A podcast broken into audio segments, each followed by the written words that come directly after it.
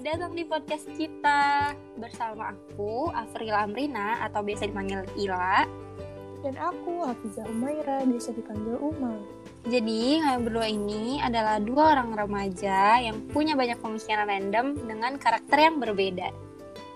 Dan kami ingin menuangkan pemikiran kami di sini sembari berbagi dengan kalian semua. So make sure you listen to our podcast. Have a great time everyone!